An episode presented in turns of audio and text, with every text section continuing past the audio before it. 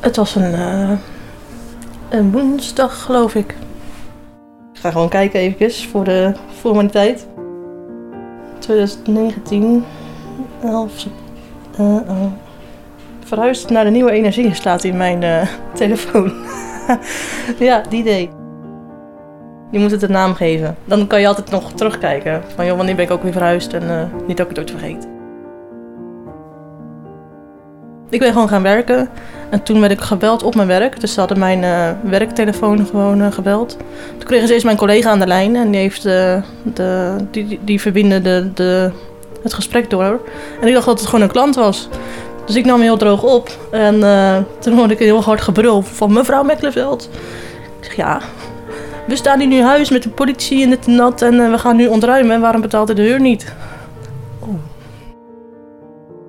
En dan sta je dan. Ja, op je werk. Ik kreeg heel, heel rood hoofd. En ik uh, wist ook niet wat ik moest zeggen en doen. En toen zei ze van, joh, je kan, je kan nu hier naartoe komen om, om je schuld af te lossen. Maar dat kon niet. Of je krijgt nu 20, vanaf nu 20 minuten de tijd om naar huis te komen. En wat persoonlijke spulletjes te halen en dan weggaan. Maar het was al 20 minuten naar mijn huis toe.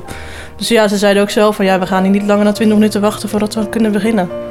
Dus ja, ik zeg nou ja, ja, ik wist ook niet wat ik moest zeggen. Dus ik zei uh, ja, laat dan maar gaan. Laat maar.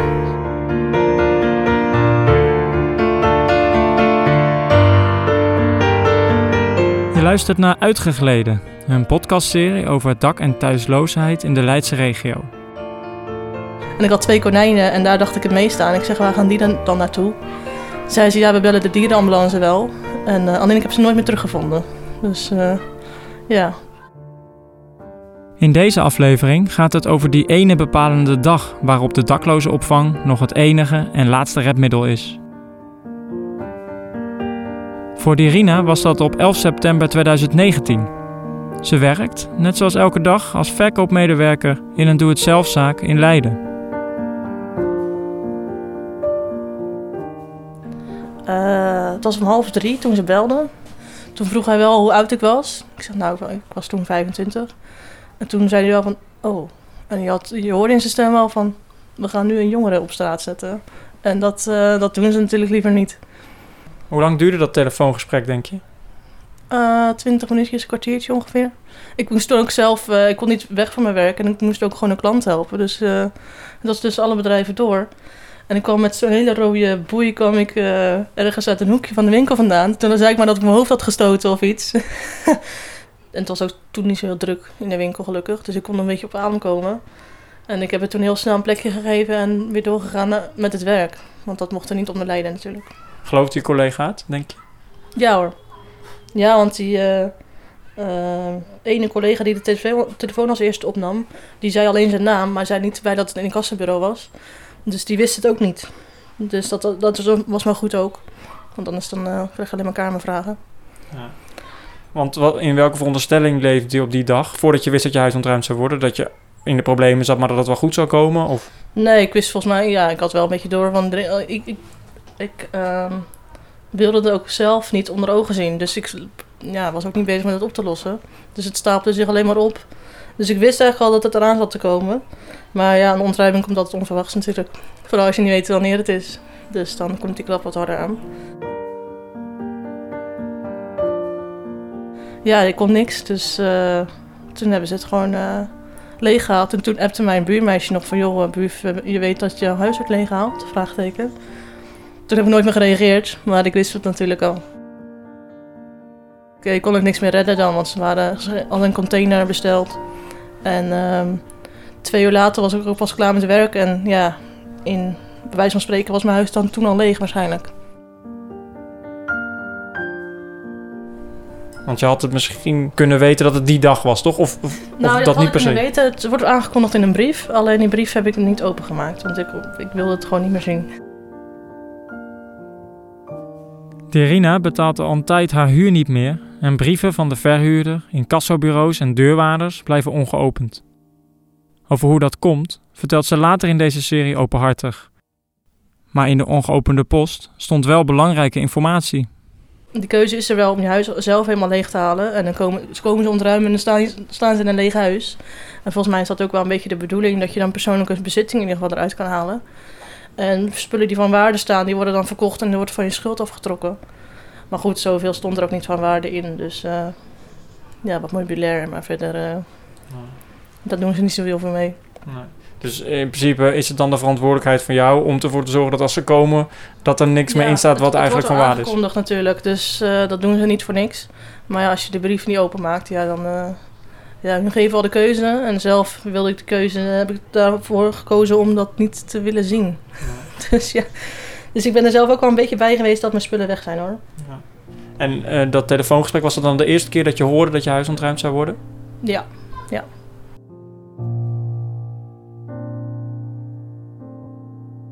De keuze was of je moet uh, geld gaan uh, vragen bij een, uh, een ouders of iets. En dan gaan ze daar contact mee opnemen. En dan kunnen ze dat overleggen met de opdrachtgever. En als die akkoord gaan, dan stopt de ontruiming, zeg maar.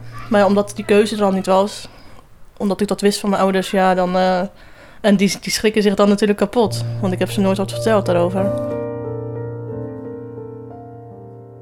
En als je dan in één keer 6000 euro komt vragen, dan uh, ja, dat is ook een beetje een moeilijk verhaal. En mijn ouders waren ook gewoon aan het werk.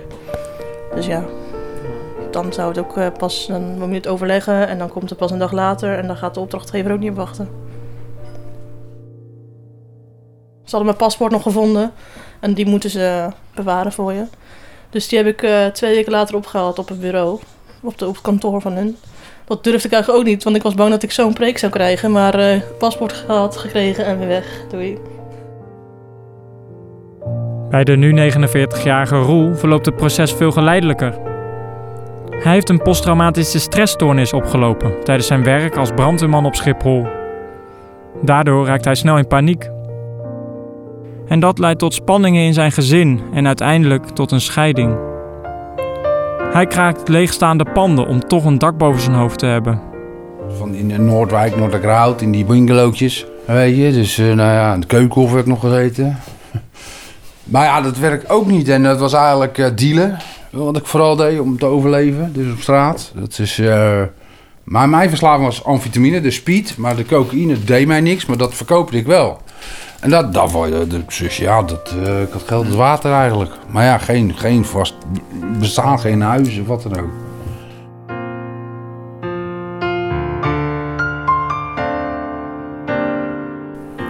Maar op een gegeven moment heb je daar, heb je daar zelf dan een punt achter gezet dacht ik moet me nu melden? Of, of Ja, als jouw kind komt vragen van joh pa, ik wil even bij slapen, maar dan, dat je dan nee moet zeggen, dan... Ja, omdat het feit dat, dat er wat gewoon wat kan gebeuren. Ja, je bent illegaal ergens in een woning. Ja, die veiligheid, ja, dat kan je dan niet garanderen. Ja, dan, dan, dan, dan doet dat wel wat met je. Ja.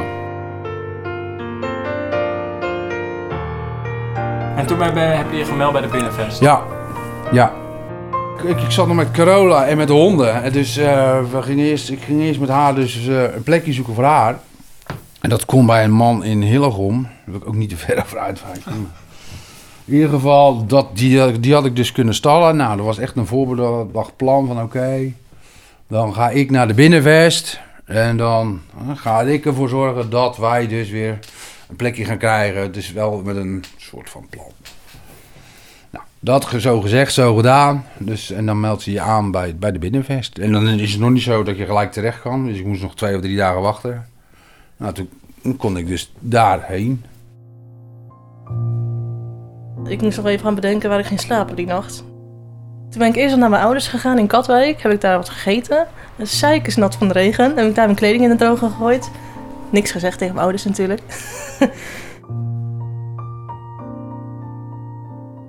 En toen heb ik uh, slaapplek Leiden gegoogeld. En toen kwam ik bij de nieuwe energie uit. Ik ben eerst naar de Albert Heijn gegaan om even shampoo te halen en zo. En tandenborstel en dat soort dingen. Terwijl ze dat ook allemaal bij de nieuwe energie hebben. Maar dat wist ik niet. Ik denk, nou dan ga ik dat soort dingetjes kopen. En dan ga ik zo naar de nieuwe energie toe. Het gewoon proberen. En dat is gelukt. Ben je verhuisd naar de nieuwe energie? ik ben gelijk uh, ja, in de armen van de hulpverleners gerend, noem ik het maar. Want ik kan ook dan bij je moeder aanmelden, maar zij, dan, dan uh, begint het herstel ook nog niet, want dan ga je bankhoppen, zeg maar. En hoe, hoe werd jij ontvangen dan? Nou, je moet je melden bij de beveiliging. En um, uh, toen keek ik naar links de nieuwe energie zeg maar in. En heb je boven al die slaapkamers zitten. En eh, beneden, ja, het is een soort, het lijkt in de gevangenis. Dus ik begon gelijk te huilen eigenlijk. En ehm, ook schaamte, want ik durfde niet om hulp te vragen. En ik, eh, terwijl dat bij hun gewoon de normaalste zaak van de wereld is. Maar ja, het was vooral die schaamte die heel hoog was. Misschien ook van opluchting, omdat ik dan ook eindelijk aan de uh, toegeven. Maar eigenlijk gewoon alles bij elkaar. En uh, ja, je kent de wereld natuurlijk niet hoe dat gaat, de binnenvestwereld.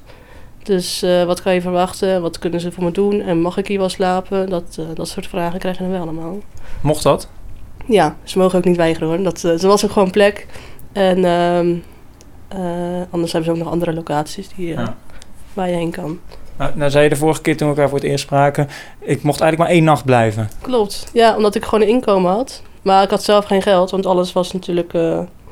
het geld als op of naar schuld dingen. En als je inkomen hebt, dan, ja, dan heb je geld. En dan kan je toch ook in een hotel slapen. Dat is wat een beetje de opzet was. Omdat je uh, in de dakloze opvang zitten echt mensen met, met geen geld en geen baan en niks. En, uh, uh, maar de volgende dag bleek toch dat ik wel gewoon uh, mocht blijven. En voor zolang het nodig was. Dus, en dat was in jouw geval niet heel lang, hè? Nee, ik ben gewoon na, na een maand ehm, ja, doorgestroomd eigenlijk. Ook omdat ze gewoon, ze willen niet dat jongeren, en vooral niet uh, jonge meiden daar zijn. Uh, omdat ze daar nog wel wat van, te, van te maken valt, zeg maar. En uh, uh, dat willen ze gescheiden houden van de, de echte zware daklozen, zeg maar.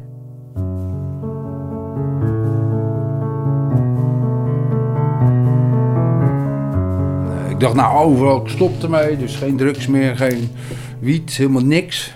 Één keer? Eén keer. En dat ging goed. voor een week. Want ja, je weet niet wat je overkomt, joh. Je weet echt niet wat je overkomt daar.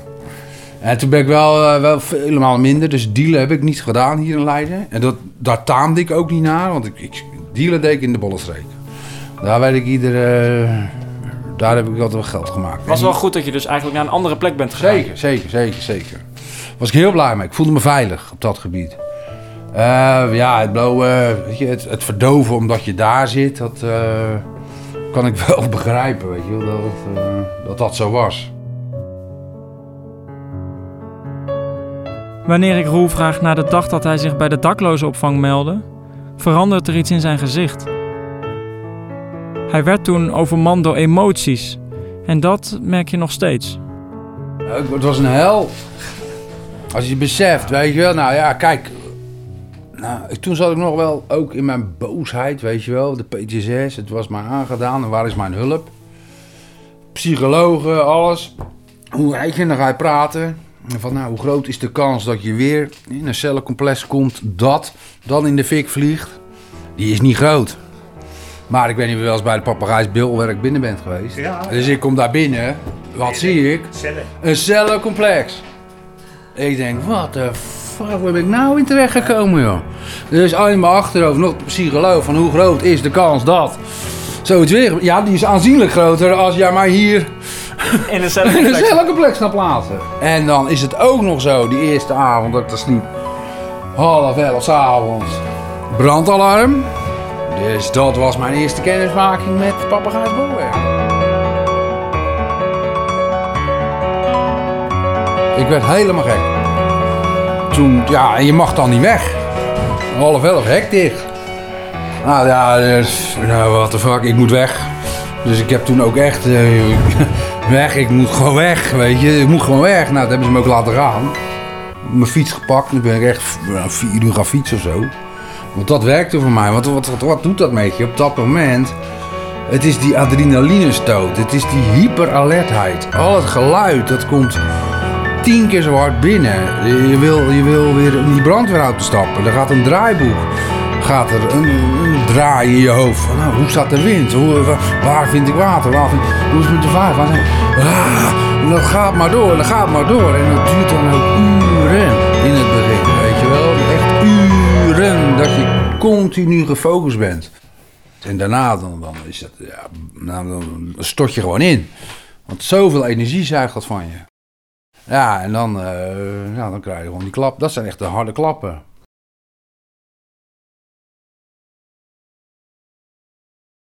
Maar je bent wel weer teruggegaan ook naar dat cellencomplex, om het maar even zo te noemen, hè, van de binnen. Ja, hoe moet je anders? Uh, moet je anders? En toen kon ik gelukkig naar het C-gebouw vrij snel. Want daar hoorde je de brandalarm niet. dat was wel een ding, weet je. Het scheelde een hoop. Uh, dat, dat scheelde eigenlijk alleen voor jou. Omdat jij specifiek met dat brandalarm... Dus voor anderen was dat misschien veel minder relevant... dat ze specifiek in dat zeegebouw moesten zitten. Ja, het was wel een slag volk hoor, wat er in het zeegebouw lag. Dat was wel iets wat, wat zelfstandig was. En ja. uh, we regelden daar eigenlijk alles zelf, weet je. In, in die zin je corrigeerde elkaar, weet je. Als er gejat werd, ja, dan, dan, ben je, dan ben je wel even gepakt natuurlijk. Ja, en het zeegebouw is ook veel uh, massaler, zeg maar. Nou ja, ik vond het een beetje een campingsfeerachtig iets, weet je wel. Een beetje, ik vond het wel fijn, weet je. Het, laat maar zo zeggen, een beetje het kazerneleven. Weet je, met die gasten onder elkaar, dat, dat ervaar ik weer. Samen schoonmaken, uh, alles zorgen dat het een beetje oh, in orde is. Oh, weet je, dat, dat, dat rijlen en zeilen daar zo, ja, ik vond dat wel, wel dat vond ik wel prettig. Ja. Hoe lang heb je daar eigenlijk gezeten in dat zeegebouw? Uh, nee, acht maanden of zo. Best een tijd ook. Ja. uh... ja, in het begin hadden we nog geen, hadden ze geen gordijntjes, weinig privacy, dat was wel irritant. Ja. En toen later kregen we dan gordijntjes. Nou, dus toen ben ik wel lekker wel een mortuarium. Als je daar had de gordijntjes dicht. Zo'n oude kostschool deed maar denken van, uh, weet je, de broeders van die celletjes met gordijntjes. Ja, het, was, het had wel wat. En dan lag net wie erboven of onder je lag natuurlijk. Maar nee, daar heb ik wel, wel prima vertoefd. Ja. Terug naar Dirina. Die van de ene op de andere dag dakloos raakte en zich meldde bij die dakloze opvang aan de Lange Gracht. Ze dachten dat ik er werkte. dat dachten zowel het personeel als de cliënten. Dus uh, ik zeg, nee, ik woon hier. En toen zei ze, niet.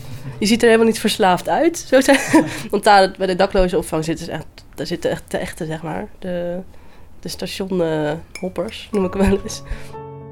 Ja, want hoe ziet dat er dan uit? Uh, hoe, wat deed je overdag bijvoorbeeld bij, toen je in Nieuwe Energie zat? Toen had ik gewoon ook nog een baan.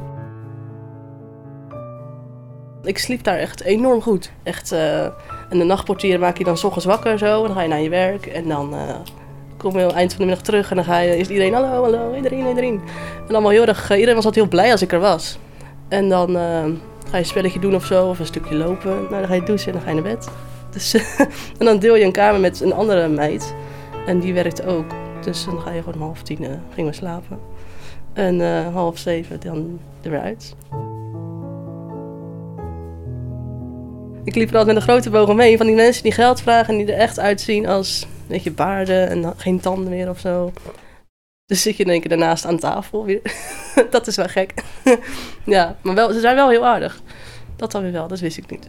Hoe, hoe kom je daarachter? Nou ja, het zijn een beetje je maatjes dan geworden, zo uh, die lotgenoten. Ik was altijd heel erg racistisch, maar dat ben ik nou ook niet meer. je zit natuurlijk met allemaal verschillende culturen daar. oh. oh. Ja, eh, heb je dat bewust afgeleerd of ging dat heel snel? Dat ging heel snel, daar ben ik wel blij mee.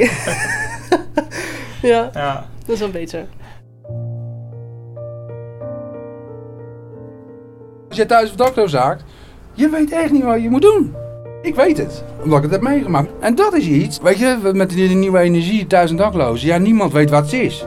Niemand ziet het ook. De, ja, je, ja, je hebt de speel waar je even terecht kan vragen. Maar ik vind zelf, de vlag moet uit. Binnenwest, dreig je dakloos te worden, meld je hier aan. Dat wij daar als ervaringsdeskundigen bijvoorbeeld, hè, ook uh, van, nou oké, u dreigt dakloos te worden, nou kunt u het beste misschien daar en daar aanmelden. Van, of uh, je hebt iemand op de bank liggen, nou uitkeren, weet je dat. Dat je vol, want 9 van de 10 mensen die thuis dakloos dreigen te raken, die, die, die zullen die stap zo 1, 2, 3 überhaupt al niet zetten sowieso. Dat is die schaamte. Ze weten het niet. En 9 van de 10 keer zijn het mensen die met die vragen komen, dat is vaak een familielid vader, moeder, oom, tante. Van ik heb mijn zoon hier.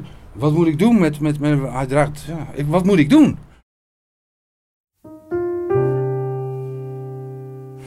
Ja, dat, dat, dat, dat, zouden wij kunnen bemannen. Ervaringswerkers bijvoorbeeld, je? Dat je, je moet toch 24 eh, uur eh, dagbesteding doen, bijvoorbeeld. Het kost ook allemaal geen natuurlijk. Ja, je werkt voor je uitkering. Hmm. Die mensen heb je al.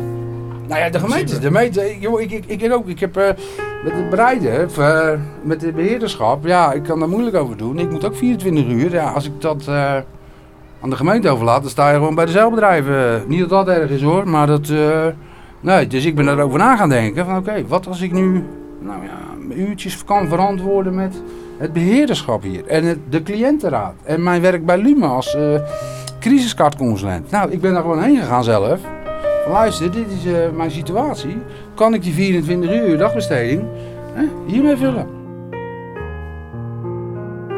Je luisterde naar de tweede aflevering van Uitgegleden, een podcastserie over dakloosheid in de Leidse regio. In de volgende aflevering hoor je. Uw huidige contactpersoon werkt niet meer bij de Stadsbank. In deze brief leest u wat, wat dit voor u betekent. En dan ben je blij met je woning in Noorderhout. Maar dan, op een gegeven moment, dan, dan, ben je, dan kom je er ook achter dat je daar helemaal niet blij mee bent. En dat is ook weer zo'n zo'n klap. Waarom was je er niet blij mee? Nou, om het feit dat je, je, je moet het accepteren. Je hebt erin geen keuze. Het appartementje zelf was wel oké, maar daar kom je daar binnen en dan is het uh, gewoon kaal. Er zit geen vloer in, je hebt geen wasmachine, je hebt, geen, je hebt eigenlijk helemaal niks. Als jij een schuldeiser belt met, uh, ja, ik heb schulden, ik wil uh, betalingsregeling treffen, maar ik heb nu geen geld, dus ik kan nu niet zeggen hoeveel. Dan gaan hun zeggen, ja, dat is een probleem. En die man weet precies hoe je dat moet oplossen, maar ik niet. Maar toch toch zeggen ze daar, doe het zelf. En het eerste wat die nieuwe begeleider tegen mij zei is... Je hoeft niks te proberen. Je vorige begeleider heeft me alles verteld. Eén fout, je bent eruit. Deze podcastserie van Jan van der Sluis en IJsbrand Terpstra is mogelijk gemaakt door het Leids Mediafonds. We hebben muziek gebruikt van Iris Hond. En wil je reageren? Kijk dan op sleutelstap.nl slash uitgegleden. Daar vind je ook de artikelen die bij deze podcastserie horen. We willen je bedanken voor het luisteren. We hebben het er eigenlijk helemaal nooit over. En dat is ook goed zo, weet je wel. Anders blijven we ook daarin hangen. Dan kijken we met z'n liever vooruit dan uh, weer achteruit.